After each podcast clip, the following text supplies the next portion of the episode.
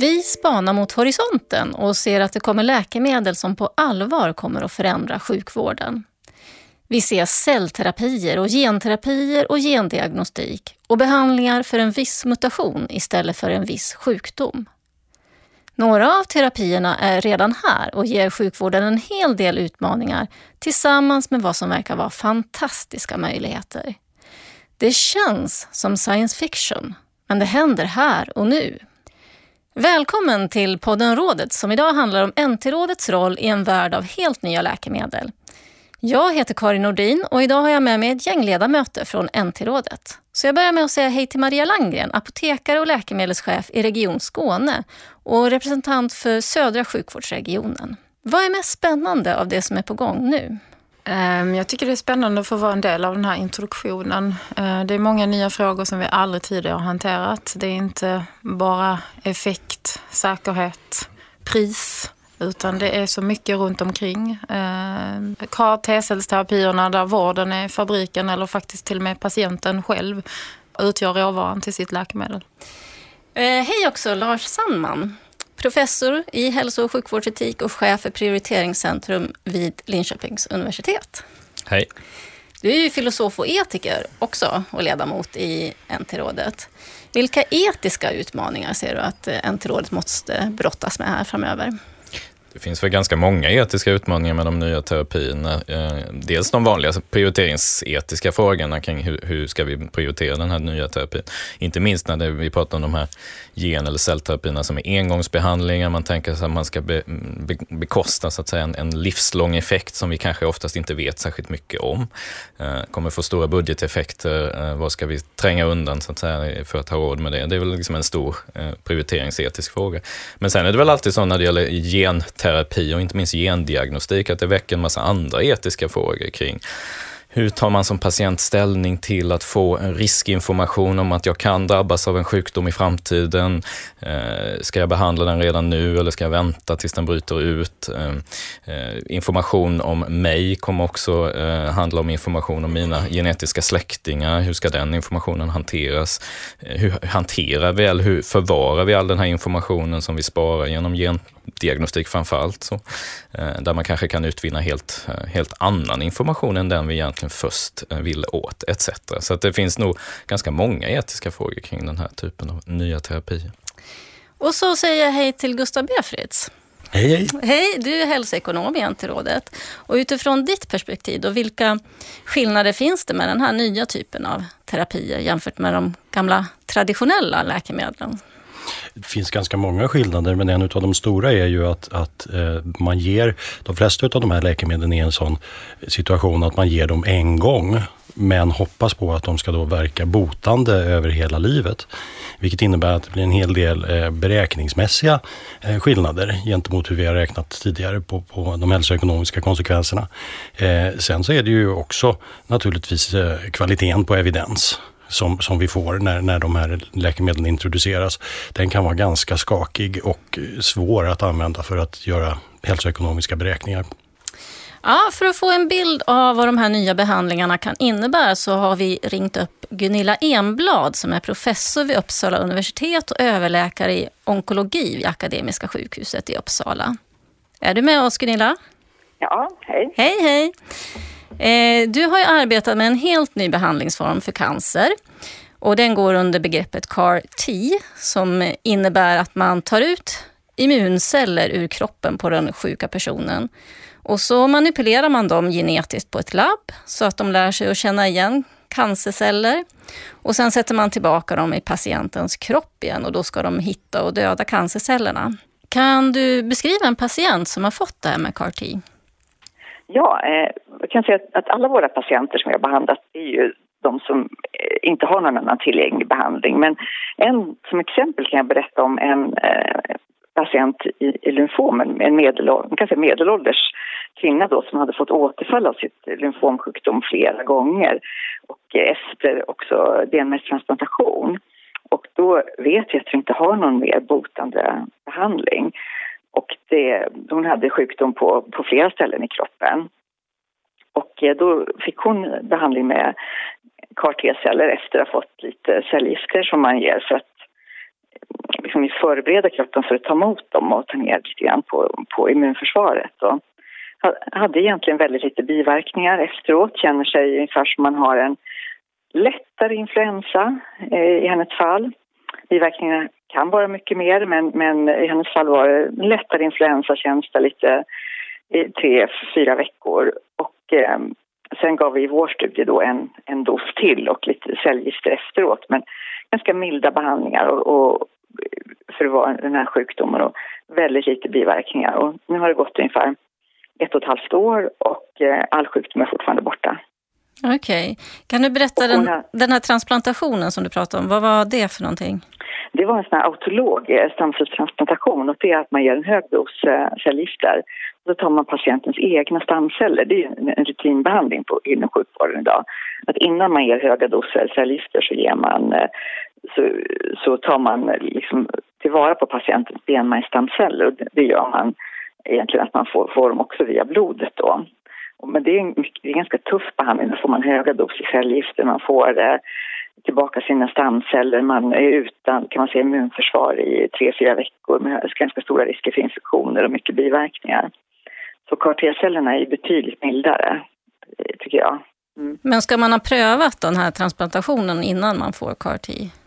Ja, som det är nu, eh, i, i de som man har använt CAR hittills i, och som de indikationerna sannolikt kommer vara om de blir godkända i Sverige så ska man ha provat det eller också ska man ha haft för dålig effekt av vanliga cellgifter för att kunna eh, komma i fråga för en transplantation.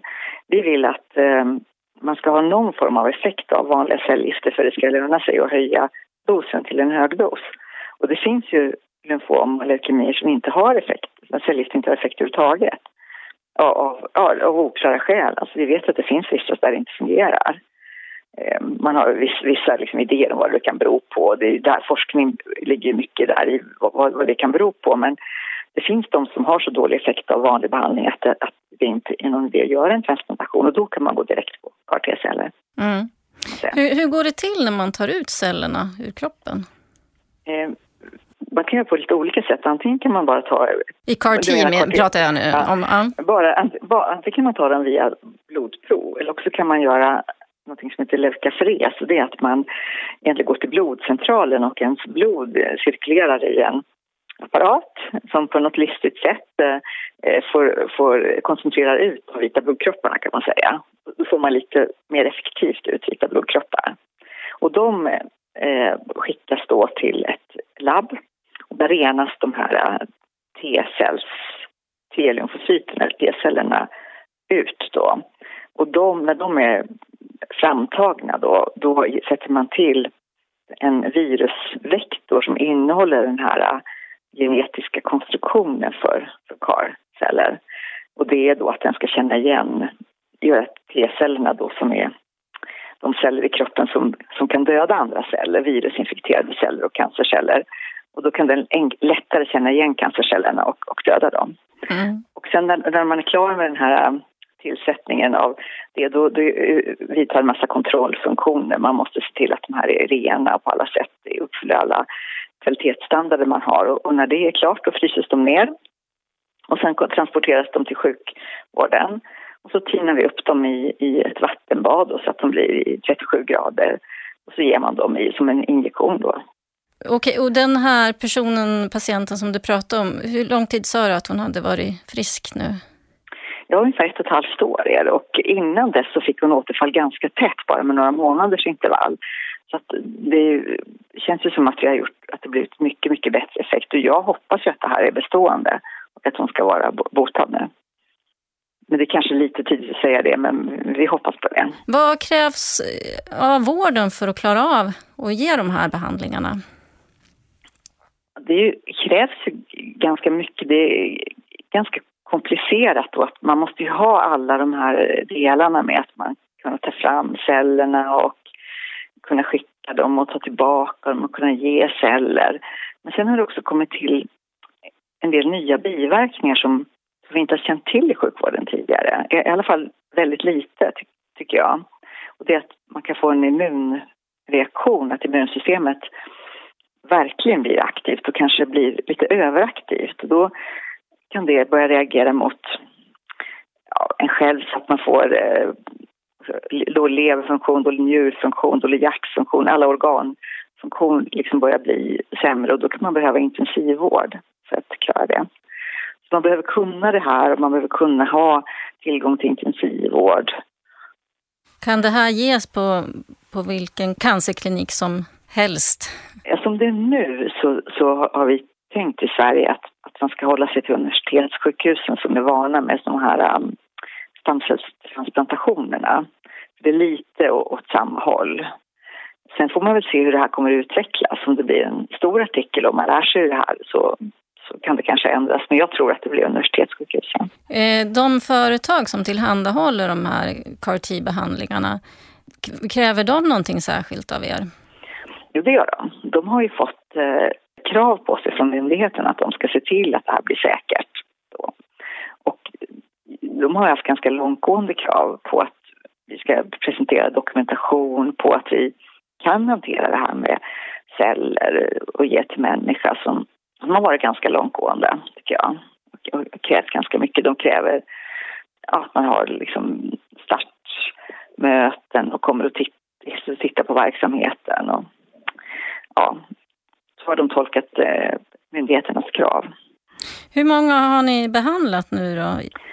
Med våra egna då, vi har ju gjort, eller behandlat med CAR-T-celler med en, en forskningsstudie med en, en en, en CAR-T-cellsprodukt som inte är de här kommersiella utan liknar dem. Och då har vi totalt behandlat i Uppsala 32 patienter. Har det varit lika positivt resultat för alla? Eller hur har det sett ut? Nej, man måste säga att vi har ju lärt oss under, under vägen så att säga. De, de första kanske 15 patienterna som vi hade som min egen studie, då tror jag väldigt många var nog väldigt, väldigt sjuka och man, man, man måste nog kanske säga att de allra, allra sjukaste kanske inte kvar heller hjälper på. Utan man kanske ska komma, vara lite liksom mindre sjuk i sin grundsjukdom men ändå, har den här stora risken av att man inte blir botad. Och eh, jag tycker att när vi har, har lärt oss lite, lite grann att välja ut då, vilka som kommer att ha nytta av det, då, då, då, har det gått betydligt bättre. Och, och det är nog samma erfarenhet som är på de här kommersiella produkterna också. Att det går bättre på de som är lite friskare, som har lite mindre tumörsjukdom i kroppen och så. Mm. Om, man, om man kan uttrycka sig så, men ja. du förstår vad jag menar. Jag ja. förstår, ja. Mm. Tack så jättemycket Gunilla Enblad för att du var med och berättade om CAR-T. Ja, tack för att jag fick vara med. Ja. Då vänder jag mig till alla er här i studion. Och eh, Maria till exempel, hur har ni tänkt kring CAR-T? Uh, I Skåne? I Skåne har vi ju, precis som Gunilla beskriver, eh, haft de här eh, startmötena och um, haft dialog med läkemedelsföretagen och ehm, också mycket för kliniken för att säkra upp det här att eh, alla förstår processen, att man eh, eftervården är säkrad, att man ska vara nära sjukhuset i fyra veckor efter. Och det är många olika eh, professioner, läkarprofessioner som kan bli involverade och då är det viktigt att alla känner till det här. Så att vi är ju mitt i den processen att säkra införandet då.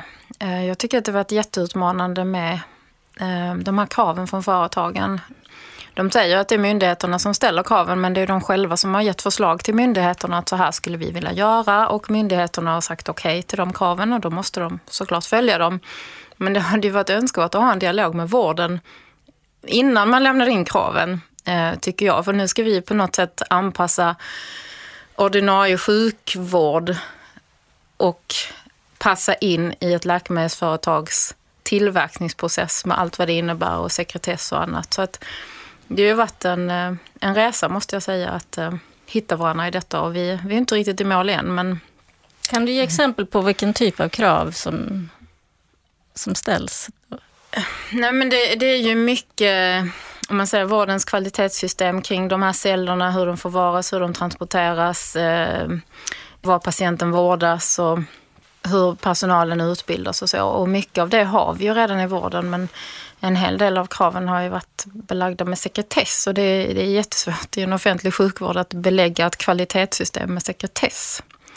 Eh, och företagen har ju också lärt sig på den här resan så att eh, jag tycker att vi just nu har vi landat i en bra dialog men det har varit en eh, skumpig resa framåt. Okay. NT-rådet har ju rekommenderat att en av de här CAR-T-behandlingarna som finns tillgängliga ska användas hos barn med blodcancer som har testat all annan behandling men inte har blivit hjälpta av det.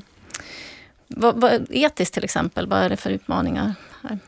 Ja, alltså, som vi pratade om tidigare lite grann är, är väl en av utmaningarna är naturligtvis att, att vi betalar en stor kostnad. En e- stor engångskostnad för någonting som vi ändå har ganska osäkra data om och som vi inte riktigt vet liksom, hur mycket vi få effektmässigt. Så, så det är väl en utmaning ur ett prioriteringsetiskt perspektiv. Sen, sen, kan det väl finnas en, en annan typ av utmaning. Jag menar inte att det, det har, finns några exempel på att det har skett, men alltså skickar man biologiskt, mänskligt biologiskt material utomlands eh, så kan man naturligtvis göra en massa andra genetiska analyser på det materialet och få mycket information Eh, som man liksom annars inte eh, hade fått. Och det är klart att den, den, informationen har ju inte vi någon kontroll över. Så, eh, så det, det, är väl en liksom så potentiell fara som man borde liksom kanske fundera lite grann över om det här blir en stor artikel inom svensk hälso och sjukvård. Eh, måste man skicka dem utomlands? Eller? Det går inte att göra det här i Sverige? Eller? Det är klart det går att göra här i Sverige, men, men i det här fallet så när vi har kommersiella bolag som har satt upp eh, eh, labb eh, utomlands så är vi ju så illa tvungna att skicka dem dit. Eh, därför att så ser den kommersiella logiken ut. Alltså. Men det är klart att vi skulle kunna ha egna labb. Eh, Gunilla är väl ett exempel på att ha ett eget labb i, i Uppsala där hon gör detta. Så. Och ingår det inte då i de här certifieringsprocesserna att eh, säkra för att de inte stjäl genetiska data då, eller vad man ska säga? Nu vet inte jag om det ingår i, kraven liksom, eller den diskussionen. Mm. Det har jag ingen aning för eftersom jag inte sett de certifieringskraven. Mm. Men, men så att säga, även om man skulle göra det så, så, så, vet man ju aldrig kanske riktigt fullt ut huruvida företagen följer detta eller inte. Så det, den, den, diskussionen kan man ju alltid behöva ha. Liksom, så att säga. Eh, allting som vi kanske inte har eh, full kontroll över själva eh, är ju alltid, finns det ju alltid en viss osäkerhet kring. Så hur, hur tycker du att NT-rådets arbete har skilt sig här, Gustav? Jämfört med andra? Det är väl så att traditionellt sett så har vi talat mycket både, både från myndighetshåll och på NT-rådet om, om vår betalningsvilja för, för hälsa och för läkemedel. Eh, det som ju händer nu i och med att de här eh, terapierna kostar så mycket pengar eh, redan upfront så att säga, är att vi måste börja titta på vår betalningsförmåga också. Och det är faktiskt, som Lars var inne på, att det kommer ju förmodligen, än så länge så är det ju förhållandevis få godkända sådana här läkemedel, men i takt med att det blir fler och det blir fler och fler patienter som då potentiellt kan ha en väldigt stor nytta utav läkemedlet och att det, det går att räkna fram att läkemedlet är kostnadseffektivt om det botar ett barn som sen får ett långt och friskt liv. Men om det kostar mycket pengar och det är ganska många patienter så kommer det bli en stor påfrestning för så att säga budgeten här och nu. Så att, så att betalningsförmåga tror jag kommer att bli någonting som vi måste ta upp i högre utsträckning när det blir fler och fler sådana här läkemedel. Eh, nej men jag håller helt med och det är väl här också att jag tror att landstingen, inte rådet, när det är så få patienter och så kort uppföljningstid, ja, men då kanske vi vill betala lite och när det visar sig, om det visar sig att det håller vad det lovar, betala mer. Och jag tror att företagen tänker lite tvärtom, att här har vi en innovation, eh, de tror jättemycket på sin produkt och de vill ha ganska mycket betalt i början. Eh, och då är liksom, vem ska ta risken här? Eh, och då, då kommer det här med betalningsförmåga och Um, blir det många sådana här terapier så, så, måste vi hitta ett sätt. Och det måste också vara enkelt att administrera i Sverige. För patienterna kommer ju som Gunilla sa att kanske behandlas på universitetssjukhus och uh, få sin behandling på annan ort än hemorten. Och då, då vi måste, liksom, måste hitta sätt så att uh, vi, vi också lätt kan hantera de här transaktionerna mm. mellan oss. Ja, vi har naturligtvis hanterat ganska mycket dyra läkemedel liksom, under årens lopp och vi gör det hela tiden. Så en skillnad här är väl det som vi har varit inne på, nämligen att har man en kontinuerlig behandling så kan man ju tänka sig att man avbryter den när man ser att man inte har effekt. Men nu ska man så att säga, betala allting upfront.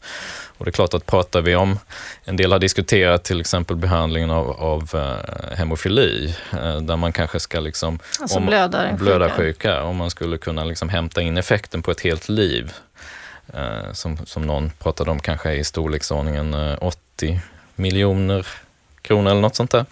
Eh, hur ska man liksom prissätta det om man ska betala det vid ett tillfälle? Och vad händer om man då inte får ut den effekten? Ska, ska liksom företaget betala tillbaka de pengarna eller vilken typ av betalningsmodeller ska man ha? Och hur ska man följa upp detta? Så det finns väl ganska många utmaningar naturligtvis som är, som är nya på det här sättet. Man kan väl säga att, att eh, här har ju företagen som jag ser det varit väldigt framgångsrika ur sitt perspektiv att hitta en ny affärsmodell där man har lyckats eh, övertyga myndigheterna om att, att det här är en väldigt värdefull terapi som, som patienterna behöver få väldigt snabbt. Och därför har myndigheterna helt enkelt börjat gå med på att släppa ut saker och ting på marknaden innan de är riktigt så beforskade som vi tycker att de borde vara. Eh, vilket ju innebär att man, att man i praktiken i den här affärsmodellen lägger över väldigt stora delar utav både risken och det finansiella risktagandet på vården. Och att vi ska generera då uppföljningsdata och, och, och, och sånt som man inte vill göra själv därför att det kostar mycket pengar. Är det så? Ja, men så är det ju. Vad är mm. det? Mm, någon av de här produkterna, inte KT, men en annan produkt, så, så är det väl studier på 30 patienter tror jag. Eh, tvåårsdata, potentiellt eh, botande på det tillstånd man behandlar, men, men 30 patienter i två år. Mm. Eh, prislapp på, på närmare 10 miljoner. Så att, det är väl klart att det är det är jättesvårt att ta de här besluten men, men samtidigt så, så lär vi ju inte få mer data just nu så vi måste ju också förhålla oss till eh, att vi potentiellt kan bota de här patienterna. Men då måste man ha en dialog kring eh, hur vi hanterar den här risken och kan vi få pengar tillbaka om det inte fungerar. Eller? Men är det vården som då följer upp och, och tar in data allt eftersom det behandlas fler patienter? Men det är också en ny fråga som vi har pratat om på vårt möte idag på NT-rådet. Liksom att, att en del av de här produkterna kanske inte ens eh, går via våra normala försäljningskanaler. Och det är jätteviktigt med uppföljningen, både hur det går för patienterna biverkningsmässigt men också ehm, att vi får nationella sammanställningar och kanske till och med europeiska sammanställningar för det i vissa fall får patienter. Så det är vården, vi måste i alla fall säkra att vården ehm, samlar in de här data. Eh, så vi hela tiden lär oss mer.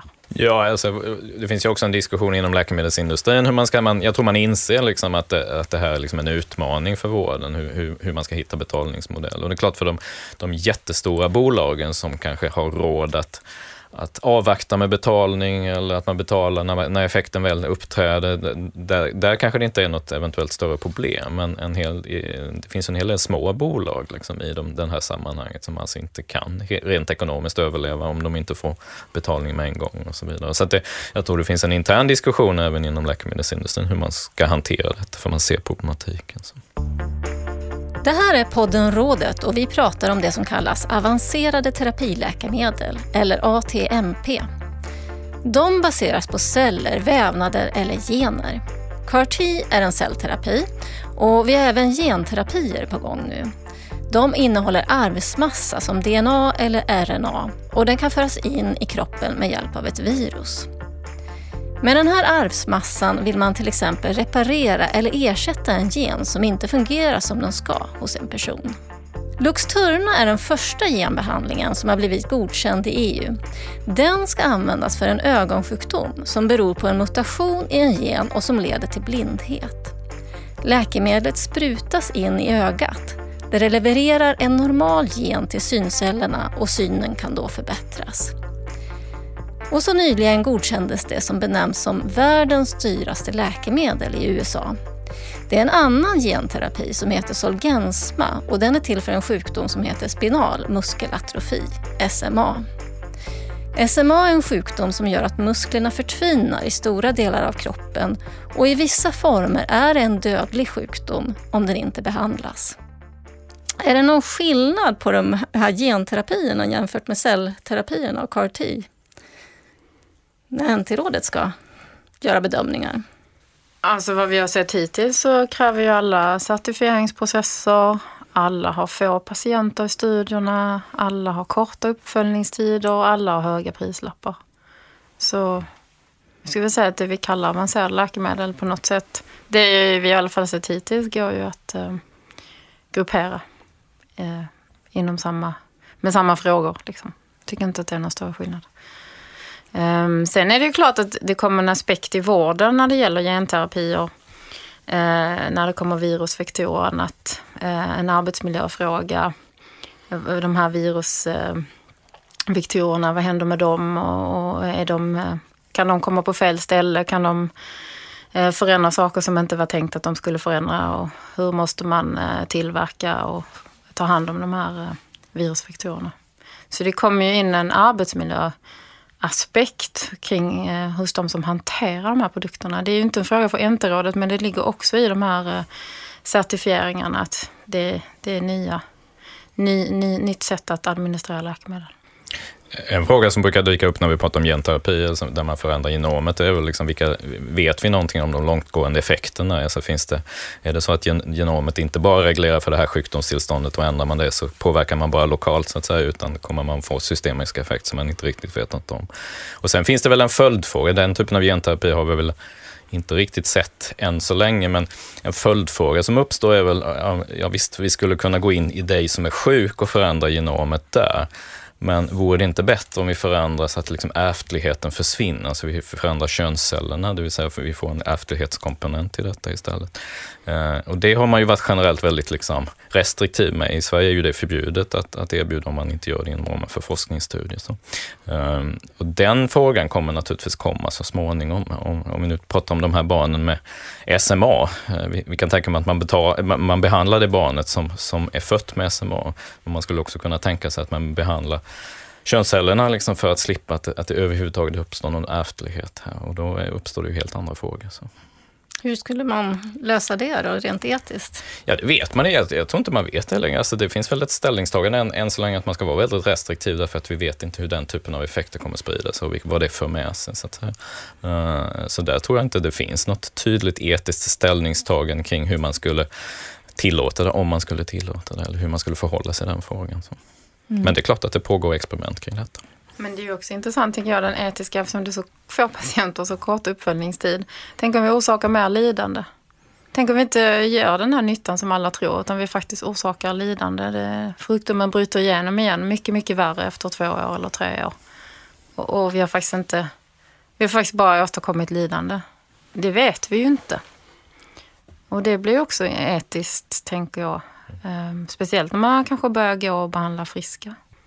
En annan aspekt är ju, är ju ekonomisk. Du nämnde Solgensma eh, som då är en engångsbehandling mot spinal muskelatrofi. De patienterna behandlas ju redan idag med eh, dyra läkemedel som, som kanske kostar någon miljon om året eller två. Om man då tänker sig att man slipper den undviker den läkemedelsbehandlingen eh, under en livstid så kan ju det kanske vara en besparing då på någon miljon eller två per år i vad vet jag, 20 år, 30 år. Och då pratar vi om 20-30 miljoner. Och det vet ju företaget som säljer den här engångs behandlingen så att säga. Så de har ju satt en prislapp då i USA på 20 miljoner på det här läkemedlet. Det behövs inte jättemånga, det, även ett stort sjukhus klarar inte jättemånga patienter ah, a 20 miljoner eh, innan det blir så att säga påtagliga utträngningseffekter. Och då måste vi ju börja fundera i termer av, jaha, vad är det som ska stryka på foten då? Om vi ska introducera de här mm, behandlingarna. Som alltså då i, i, i, enligt våra hälsoekonomiska beräkningsmetoder så är kanske även en prislapp på 20-30 miljoner kan vara kostnadseffektivt om vi får ett i princip friskt barn. Hur, är det mycket sådana här genterapier på gång? Ja, det är jättemycket på gång. Eh, vi har ju vår Horizon Scanning så att vi fick en genomgång i Genterådet för inte så länge sedan och det är otroligt mycket på gång. Och det är ju otroligt spännande. Tänk om vi kan bota vanliga kroniska sjukdomar och även sällsynta diagnoser förstås. Allt som man kan bota är ju en fördel. Eh, men det blir, det blir också en utmaning att, att ta emot det. Eh, och det pågår mycket initiativ i Sverige, mycket projekt, nationella projekt kring att få igång forskning kring det här, att få små företag att etablera sig, kanske också stora företag. Att, att Sverige vill ligga i framkant när det gäller den här typen av produkter. Men då, då finns det ju också en förväntan i att kunna ta hand om dem när de väl blir godkända och introducera dem. Och där eh, har vi rätt så mycket frågor kvar. Det är väl så. I Sverige har vi ju kommit fram till ett antal etiska principer för att vägleda våra prioriteringar och det här med budgetpåverkan är ingenting som egentligen ingår i dem som vi inte har på bordet att ta hänsyn till utan vi ska titta på svårighetsgraden hos tillstånd, vilken nytta behandlingen gör, vilken kostnadseffektivitet den har och evidensfrågan också. Eh, och jag tror att vi kanske behöver se över de där principerna för att fundera hur skulle i så fall den här typen av budgetpåverkan vägas in? För det är klart att ur ett, ur ett livstidsperspektiv så kanske vi helt enkelt tjänar in pengar, men vi ska ändå så att säga punga ut med de resurserna och vi ska använda de resurserna. Och när vi gör det så är det ju som, som Gustav säger, kommer det få en undanträngningseffekt för annat som vi tycker att vi gärna vill göra eller behöver göra. Så, så jag tror att vi även måste skruva på våra etiska principer. Jag fick en, fick en kommentar från ett, eh, ett annat landsting. Jag representerar ju södra regionen i NT-rådet och um, vi pratade om NT-rekommendationer och implementering av dem och så. Och då var det ett landsting som uttryckte att um, hur många rekommendationer har vi egentligen råd med? Um, så att jag håller helt med dig Lars. Vi, det finns en ekonomisk verklighet och den måste vi förhålla oss till. Uh, hur samhällsekonomiskt korrekt det ändå är att introducera läkemedlet så, så kan det få undanträngningseffekter som vi inte är beredda att ta. Där har vi ju faktiskt en, en, en, eh, det har inte med de här, specifikt med de här terapierna att göra, men vi har ju en målkonflikt i hur vi har organiserat, ehm, så att säga, hur, hur vi prissätter eh, läkemedel i förhållande till resten av hälso och sjukvården. Vi har en nationell lagstiftning som, och den etiska plattformen som säger att vi ska ta hänsyn till kostnadseffektivitet. Men landstingen styrs via ettåriga budgetar. Och någonting kan vara kostnadseffektivt i allra högsta grad men också kraftigt kostnadsdrivande. Så det där är ju, det där är ju en krock som vi har att hantera. De läkemedel som vi har idag de är ju oftast framtagna för att behandla en viss sjukdom. Till exempel en viss typ av cancer. Men ett annat nytt koncept som kommer nu det är ju att istället behandla en viss mutation alltså en felaktig gen. Och en sån mutation kan ju ge upphov till flera olika cancersjukdomar. Det blir liksom ett nytt sätt att se på, på behandlingar och läkemedel. Har, har det någon betydelse för hur NT-rådet ska jobba?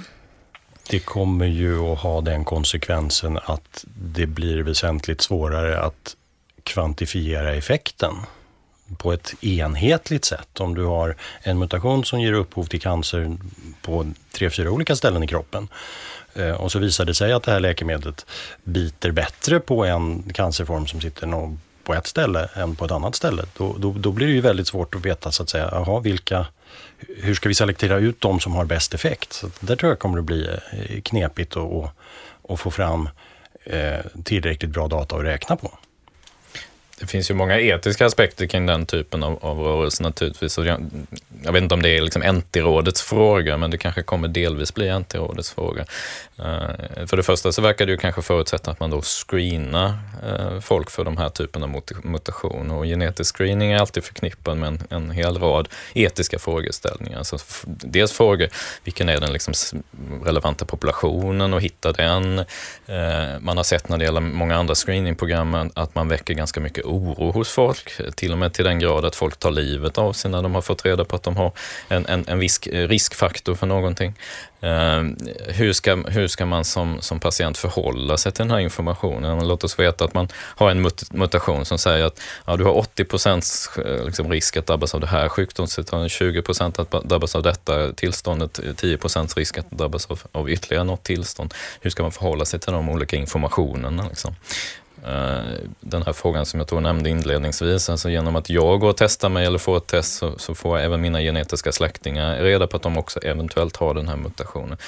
Så det finns ganska många etiska frågeställningar kring den rörelsen som, som vi i så fall behöver hantera på ett bra sätt. Så.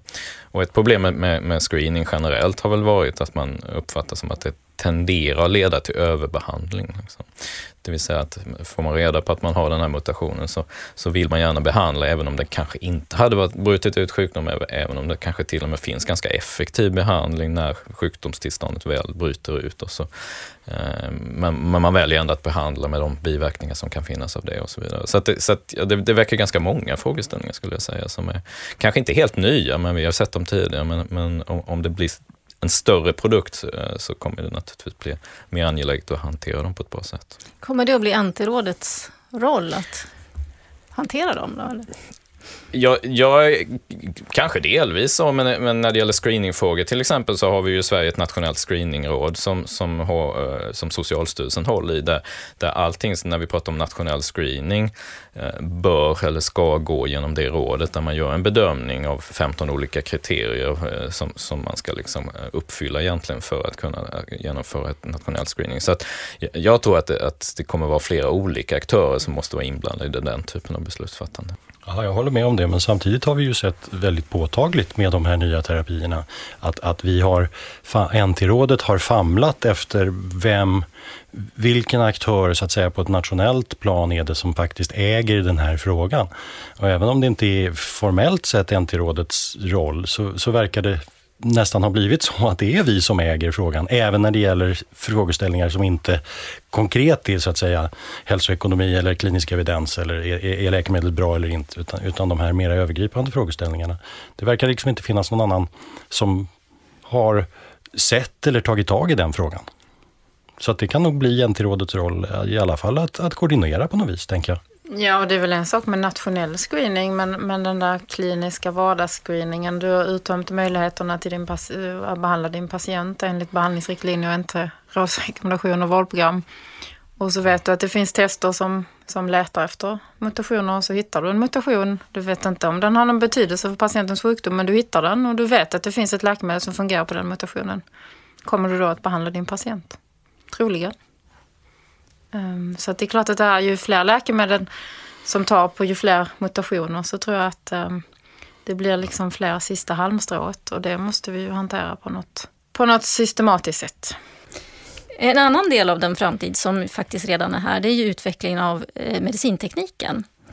Och många gånger så går teknik och läkemedel ihop. NT-rådet har ju till exempel bedömt pumpar som är medicintekniska. Eh, produkter och de pumpar insulin i lagom dos i blodet hos eh, personer som har diabetes. Hur, hur är det här då? Vilka möjligheter har NT-rådet här? Och vilka utmaningar väntar oss?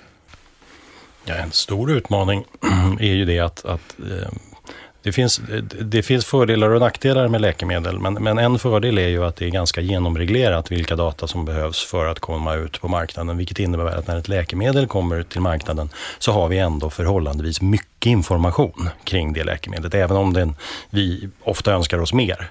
Eh, medicintekniska produkter är inte alls reglerade på det sättet, vilket innebär att, att vi har väldigt lite koll på hur bra är den här nya manicken och, och, hur mycket nytta gör den i förhållande till vad företaget vill ha betalt. Så där är ju en, en ett jättestort eh, hopp får man säga, när det gäller att, att, att eh, försöka hantera bristande eh, kunskapsmängder.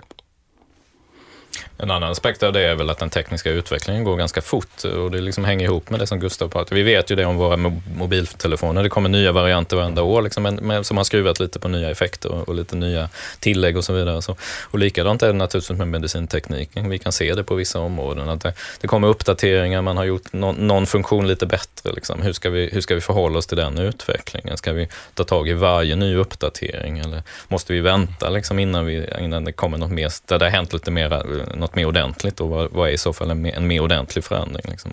Så att det finns flera tror jag, utmaningar just när det gäller medicintekniken. Så. Mm, jag tänker också att, att medicintekniken kommer ju kunna underlätta vården. Om vi ska klara framtidens eh, vårdbehov så måste fler patienter ta hand om sig själva och vi måste vårda fler patienter i hemmet, den nära vården.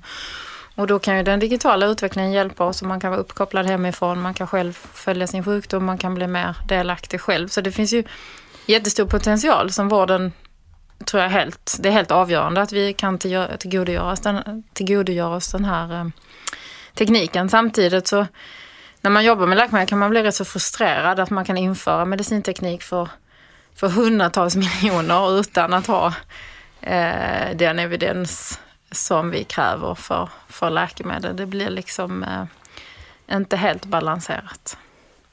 Eh, så det finns liksom, det är en omogen marknad när det gäller ordnat införande. Då är det dags att avrunda det här samtalet om nya läkemedel, science fiction här och nu. Jag heter Karin Nordin och jag säger stort tack till Maria Langgren, Lars Sandman och Gustav Befritz från NT-rådet. Tack så mycket. Tack så mycket.